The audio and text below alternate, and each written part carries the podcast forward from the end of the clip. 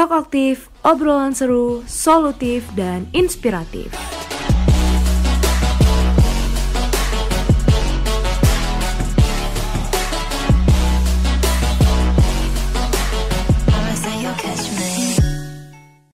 Selamat pagi, selamat siang, selamat sore, dan selamat malam bagi para Talk Aktif listeners di mana pun kalian berada. Selamat datang di Talk Aktif episode 5, season 3, yang pastinya akan membawakan topik yang sangat kontroversial dan sepertinya asik juga nih dibuat bahan perbincangan. Mungkin teman-teman sudah pada tahu ya tema Talk Aktif yang kita bawakan kali ini mungkin dari postingan Instagram BEM sendiri, yaitu tentang pemilwa. Pemilwa online, yakin. Eits, sebelum lanjut ke perbincangan selanjutnya nih, nggak afdol dong kalau kita nggak kenalan terlebih dahulu. Kenalin, aku Cinta Widianingsih dari Manajemen 2020 yang akan membawakan talk aktif pada kali ini. Eh, tapi aku nggak sendirian loh. Aku ditemenin dua cowok ganteng yang pastinya paham banget tentang topik yang kita bahas pada kali ini. Nah, kenalin, ada Kak Awal Nur Faizi sebagai Ketua Pelaksana Pemilu KM FEBUB 2020 dan Kak Fahmi Nabil sebagai Koordinator Divisi Acara Pemilu KM FEB 2020. Halo Kak Awal, Kak Fahmi gak kerasa nih Kak Awal dan Kak Fahmi kita sudah menginjak penghujung tahun 2020. Uh, eh, sudah sekian lama kita menjalankan beberapa aktivitas secara online. Mulai dari bulan Maret kali ya Kak, Maret sampai ke bulan Desember. Rasanya aneh sih, setiap pekerjaan harus dilakukan secara online. Uh, adanya perombakan dan situasinya pun juga berbeda beberapa hari lagi bulan November akan berakhir nih kak. Uh, tentunya ini bulan yang sangat menarik banget bagi KM FEBUB. Siapa sih yang gak kenal dengan sebutan November ceria? Bulan yang penuh kontroversial dan persaingan yang selalu mencuri perhatian KM FEBUB. Karena adanya pesta demokrasi terbesar yaitu Pemilu KM FEBUB Nah, apa sih yang dimaksud pemilwa KM FEBUB? Pemilwa KM FEBUB adalah suatu program kerja yang memiliki undang-undangnya sendiri, yaitu UU Pemilwa KM, di mana dalam pasal 1 ketentuan umum ayat 7 disebutkan bahwa pemilihan wakil mahasiswa, keluarga mahasiswa Fakultas Ekonomi dan Bisnis Universitas Brawijaya yang selanjutnya disebut Pemilwa KM FEBUB adalah sarana pelaksanaan kedaulatan mahasiswa berdasarkan anggaran dasar atau anggaran rumah tangga KM FEBUB melalui pemilihan ketua dan wakil ketua BEM FEBUB secara berpasangan dan anggota DPM FEBUB dan juga dijelaskan bahwa pemilu KM dilaksanakan berdasarkan ADART yaitu pasal 5, 6, 8, 9, dan 11 dalam ADKM FEBUB dan pasal 19, 20, dan 62 dalam ART KM FEBUB. Jadi aku juga pernah mendengar cerita nih putar pelaksanaan pemilu tahun lalu, di mana di saat offline dulu, rangkaian ini dilaksanakan di basement FEBUB, yang suasananya tuh sangat ramai sekali. Lalu ada bilik-bilik untuk mencoblos juga, dan di akhir ada jari kelingking kita yang akan berwarna ungu. Nah, di situasi pandemi seperti saat ini, bagaimana sih pemilu KM akan terlaksana? Kita tahu semua broker berjalan secara online, bahkan mau tidak mau pemilu tahun ini pun harus diadakan secara online. Sampai saat ini masih menjadi di misteri sih jika pemilu harus dilaksanakan secara online. Baik dari panitia maupun KM FEBUB pasti mengalami perubahan yang drastis Sebenarnya aku masih punya satu pertanyaan yang sangat mengganjal nih di benak aku. Apakah pemilu online seperti saat ini akan berjalan kondusif atau tidak ya? Sebenarnya banyak kecemasan yang terjadi selain kekondusifan. yaitu dengan adanya pemilu online seperti saat ini, maka akan mudah terjadi manipulasi data yang tidak diketahui bagi sebagian orang. Apalagi bagi mahasiswa baru nih seperti aku yang masih awam dengan sistem pemilu di FEBUB. Hal itu menuai pro dan kontra sih, semisal tidak dijabarkan secara transparan kepada KMFEBUB. Nah, di Talk Aktif kali ini, aku akan mengupas tuntas dan menjawab beberapa kecemasan dan rasa penasaran teman-teman semua. Nah, sebelum bincang-bincang lebih jauh dan mengupas tuntas masalah yang tadi tuh ya, aku mau ada in games nih buat Kak Awal dan Kak Fahmi, yaitu gamesnya tuh yakin atau tidak yakin. Nanti aku akan memberikan pernyataan yang harus dijawab oleh Kak Fahmi dan Kak Awal itu secara barengan ya Kak. Harus kompak antara yakin dan tidak yakin. Nah, langsung aja kali ya. Masuk ke pernyataan yang pertama, tidak akan ada kecurangan selama pelaksanaan pemilu KM berlangsung. Yakin atau nggak yakin? Yakin. Yakin. Lanjut yang kedua, nilai transparansi dalam pemilu KM pasti tetap terlaksana dengan baik. Yakin atau nggak yakin?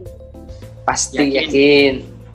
Yang ketiga, pelaksanaan pemilu KM secara online pasti akan berjalan kondusif. Yakin atau nggak yakin? Yakin. yakin. Nah, untuk yang terakhir, pemilu KM secara online bakal lebih meriah dibanding offline. Yakin atau nggak yakin? Yakin. Eh, eh, Bismillah lah, yakin. Nah, kalau didengar-dengar sih jawaban dari Kak Fahmi itu masih kurang yakin ya Kak. Ya udah deh, langsung aku tanya aja sih Kak. Apakah masih ada persamaan sih Kak antara jalannya pemilu online dengan pemilu offline? Oke, terima kasih ya Cinta ya untuk pertanyaannya. Nah kalau ditanya mengenai persamaan pasti ada. Mungkin teman-teman juga bisa ngelihat ya kalau di, di postingan Instagram Pemilwa sendiri itu kita udah ngepost untuk rangkaian kita. Dari rangkaian itu kita sebenarnya masih sama seperti yang tahun lalu. Cuman mungkin uh, pengimplementasian dan juga pelaksanaannya dengan sistem yang menyesuaikan dengan kondisi saat ini. Memang di dalam salah satu rencana kita adalah membuat YouTube Pemilwa gitu untuk mendukung beberapa rangkaian yang ada di Pemilwa FEB dari Kak Fahmi mungkin ada tambahan? Ya masih sama dari rangkaiannya yang kita susun uh, daripada pemilu offline dengan pemilu online kayak gitu. Nah, untuk pertanyaan yang selanjutnya nih Kak, bagaimana sih teknis pelaksanaan pemilu yang dilakukan secara online seperti ini? Uh, siapa dulu nih yang mau jawab? Kak Awal atau Kak Fahmi? Oke, okay untuk gambaran teknisan pasti udah ada lah ya. Bahkan kita juga sekarang udah nyusun-nyusun bagaimana perencanaan teknisannya nanti. Kayak gitu. Cuman pastinya banyak banget uh, yang yang membedakan gitu dengan pemilu tahun sebelumnya atau pemilu offline. Karena kan kita harus menyesuaikan kan tadi yang apa yang disampaikan oleh awal menyesuaikan dengan kondisi saat ini gitu kalau offline kan kita bisa menjalankan secara bertemu langsung gitu terus juga seluruh rangkaian dilaksanakan kan di FEB gitu ya atau di kampus kalau sekarang ya pastinya perlu disesuaikan gitu. Mungkin dari setiap rangkaian yang ada uh, bakal dilaksanakan dengan secara online gitu. Semua panitia, para peserta, bahkan para pendukung berada di rumahnya masing-masing. Namun semua bisa saling terhubung gitu di media yang sama yaitu mungkin video conference. Seperti itu sih mungkin untuk dancer. Dari Kak Awal mungkin ada tambahan? Sebenarnya yang disampaikan sama Fahmi barusan itu memang udah cukup jelas ya. Jadi mengenai pelaksanaannya itu akan kita lakukan secara daring semua gitu. Jadi semua itu benar-benar melakukan dari rumah masing-masing, dari tempat masing-masing, namun semua itu tetap saling terhubung gitu. dengan melalui media yang sudah disediakan juga baik itu oleh panitia dan itu nanti yang akan diikuti ataupun dihadiri oleh para calon seperti itu. Oke kak, nah aku tuh kan masih kepo-kepo gitu ya kak tentang bagaimana sih teknis pelaksanaan forum debat terbuka antar paslon jika dilakukan secara online seperti ini kak. Kalau terkait ini ya berarti terkait teknis dari debat terbuka sendiri sebenarnya uh, kalau kita sih masih dalam proses penyusunan. Uh, kita masih merencanakan nanti teknis desainnya itu seperti apa. Cuman memang terkait uh, teknisan gam secara umum itu sebenarnya masih sama gitu dengan debat terbuka uh, pemilu offline. Nanti yang mana di debat terbuka ini pastinya mempertemukan beberapa calon yang di sana, terus juga mungkin ada panelis yang uh, melayangkan pertanyaan kepada para paslon kayak gitu. Masih sama sih secara umum, cuman ya tadi uh, seperti yang disampaikan sebelum-sebelumnya gitu. Dengan pastinya kan ini salah satu rangkaian pemilu uh, secara online ya. Pasti jalankannya itu secara online. Seperti itu sih mungkin uh, cinta. Berarti dari Pemda sendiri ada tindakan preventif untuk mengatasi kecurangan pada rangkaian debat terbuka atau rangkaian lainnya ya kak? Oke, terkait hal itu ya, misalnya kalau contoh calon yang bisa aja mungkin menyontek atau uh, ya membuat tindakan-tindakan kecurangan lah gitu di debat terbuka ini, sebenarnya itu udah dipikirkan gitu oleh panitia sendiri. Pasti panitia sendiri panpel uh, memikirkan bagaimana sih langkah preventifnya gitu untuk uh, istilahnya mengurangi lah uh, kesempatan calon untuk bisa berbuat curang. Mudah-mudahan nanti debat terbuka ini ya bisa berjalan dengan jujur dan adil seperti itu. Nah pastinya kan dalam mempersiapkan suatu acara ataupun rangkaian pastikan ada kendala nih kak uh, aku kepo sedikit nih apa saja sih kendala yang uh, Kak Awal dan Kak Fahmi alami dalam mempersiapkan pemilu online Siapa dulu nih Kak? Bisa Kak Awal, bisa Kak Fahmi dulu. Oke, okay. kalau menanyakan terkait kendala, hmm, sebenarnya bukan kendala ya, tapi aku dan teman-teman semua dari Panpel itu memandang ini sebagai tantangan dari kita kan uh, tantangan itu kan sesuatu yang mengunggah kita gitu kan untuk meningkatkan kemampuan kita. Karena kan melihat dengan kondisi yang seperti ini ya mau tidak mau kita harus menyusun semua sistem ataupun semua regulasi dan juga alur itu kan dari awal lagi dengan sistem yang berbeda menyesuaikan dengan kondisi yang seperti ini. Ya menurut aku dan teman-teman dari Panpel itu ya lebih ke tantangan sih. Kalau kendala alhamdulillah belum ada dan insya Allah nggak ada dari Kak Fahmi mungkin ada tambahan? Uh, pastinya kan kita rapat ya harus online kayak gitu. Bahkan mungkin banyak sekali kan pembahasan-pembahasan dari kita terkait teknisan maupun penyusunan tata tertib itu dilaksanakan secara online dan memang membutuhkan waktu yang panjang gitu untuk penyusunan tata tertib, tata tertib ataupun teknis ini kayak gitu. Ya satu hari bisa beberapa jam gitu melakukan rapatnya. Oke, berarti untuk kendala tidak ada yang signifikan ya kak? Oke, aku mau lanjut nih ke pertanyaan selanjutnya yaitu bagaimana cara pengawasan pemilu tahun ini mengenai perolehan polling suara yang harus ditransparasikan kepada KMFDB agar tidak menuai konflik.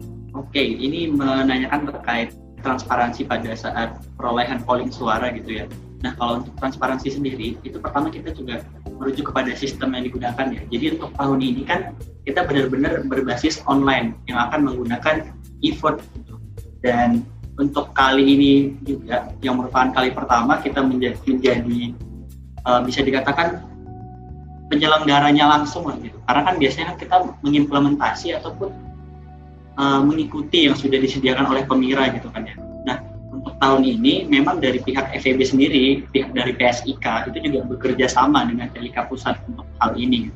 Jadi untuk perolehan suara sendiri itu nantinya akan langsung dihimpun dalam sistem yang sudah disediakan oleh TIK pusat seperti itu dari TIK Universitas Brawijaya dan dan nantinya suara-suara dari KMFUB itu uh, nantinya itu kan pada saat ingin memilih itu kan akan langsung terhubung dengan akun siamnya gitu dan dan itu juga langsung uh, masuk gitu ke dalam sistem untuk pemungutan ataupun nantinya penghitungan perolehan suara dan kalau untuk hasilnya sendiri itu nanti akan kita siarkan juga melalui akun YouTube kita juga ataupun akun media sosial kita. Jadi dari pihak kitanya juga itu tidak ada untuk mengurusi ataupun mencampur tangani hal tersebut karena itu memang benar-benar tertutup sistem seperti itu. Berarti terkait dengan transparansi tetap dijalankan dengan baik ya pada tahun ini Kak. Nah, bagaimana sih cara panitia pelaksana mengajak KMFEBUB untuk berpartisipasi aktif dalam pemilu KM tahun ini dan tetap menjaga kepercayaan dengan sistem pemilu online pada tahun ini? Cara apa ya panitia atau panpel mungkin ya, untuk mengajak seluruh KM berpartisipasi aktif dalam pemilu KM 2020 ini mungkin itu suatu tantangan yang sangat berat gitu. Uh, dari kita sendiri sih uh, melakukan beberapa perencanaan salah satunya mungkin dengan penguatan media informasi kita kayak gitu bahkan mungkin dengan kita mengikuti talk aktif ini ya uh, program kerja talk aktif ini juga setidaknya mungkin ini bisa meriahkan lah dari pemilu KM 2020. Dari Kak Awal mungkin ada tambahan? Berbicara mengenai partisipasi ya, uh, jika kita analogikan demokrasi sebagai kekuatan, maka partisipasi adalah, adalah kendalinya gitu kan. Nah, bagaimana cara untuk meyakinkan KM? Ya sebenarnya kembali lagi gitu. Kita di sini kan mengandung sistem demokrasi, di mana kalau memang tidak ada partisipasi itu dari baik itu dari calonnya, dari panitianya maupun dari pemilihnya nantinya itu ya tidak akan berjalan dengan baik gitu partisipasi. Nah cara untuk meyakinkannya yang pasti paling pertama ya kita juga harus mengenalkan pemilu yang seperti apa yang ingin kita bawakan, uh, pemilu itu apa. Nah hal-hal itu bisa kita sampaikan melalui media sosial kita karena memang dalam kondisi online seperti ini hal yang paling bisa dan paling dapat kita lakukan yang melalui media sosial itu penguatan dari branding kita sendiri dan selanjutnya uh, dalam partisipasi ini sendiri mungkin di dalam penerapannya itu juga itu juga bukan hanya dari panitia ya pastinya kita juga mengharapkan besarnya partisipasi juga dari para pemilih dan juga dari KMF PBUD Nah, benar banget kata Kak Awal dan Kak Fah. Kita sebagai mahasiswa memiliki peran sebagai agent of change, di mana perubahan tersebut harus dilakukan dengan suatu tindakan yang berawal dari dalam diri kita sendiri, termasuk dalam mengikuti rangkaian pemilu KM pada tahun ini. Hal ini bertujuan agar tetap terjaganya dan terciptanya keharmonisan antar KM dan PBUB dong pastinya. Dalam suatu pemilu itu ada saja ya kak yang golput itu. Nah di sini aku mau ngajak kak Awal dan kak Fahmi untuk mengingatkan dan mengajak teman-teman FKM FEBUB untuk tidak golput nih kak. Nah nanti kita bilang bareng-bareng ya kak, no golput. Aku hitung ya kak, sudah siap? Satu, dua, tiga. No, no golput. Nah, keseruan golput tadi adalah pertanda bahwa kita sudah berada di ujung acara nih Terima kasih banyak untuk Kak Awal dan Kak Fahmi sudah meluangkan waktunya Kak Oke, okay, terima kasih Cinta. Makasih Cinta, semangat ya. Ya, makasih juga buat Kak Fahmi dan Kak Awal. See you on the next episode on Talk Aktif. Dadah!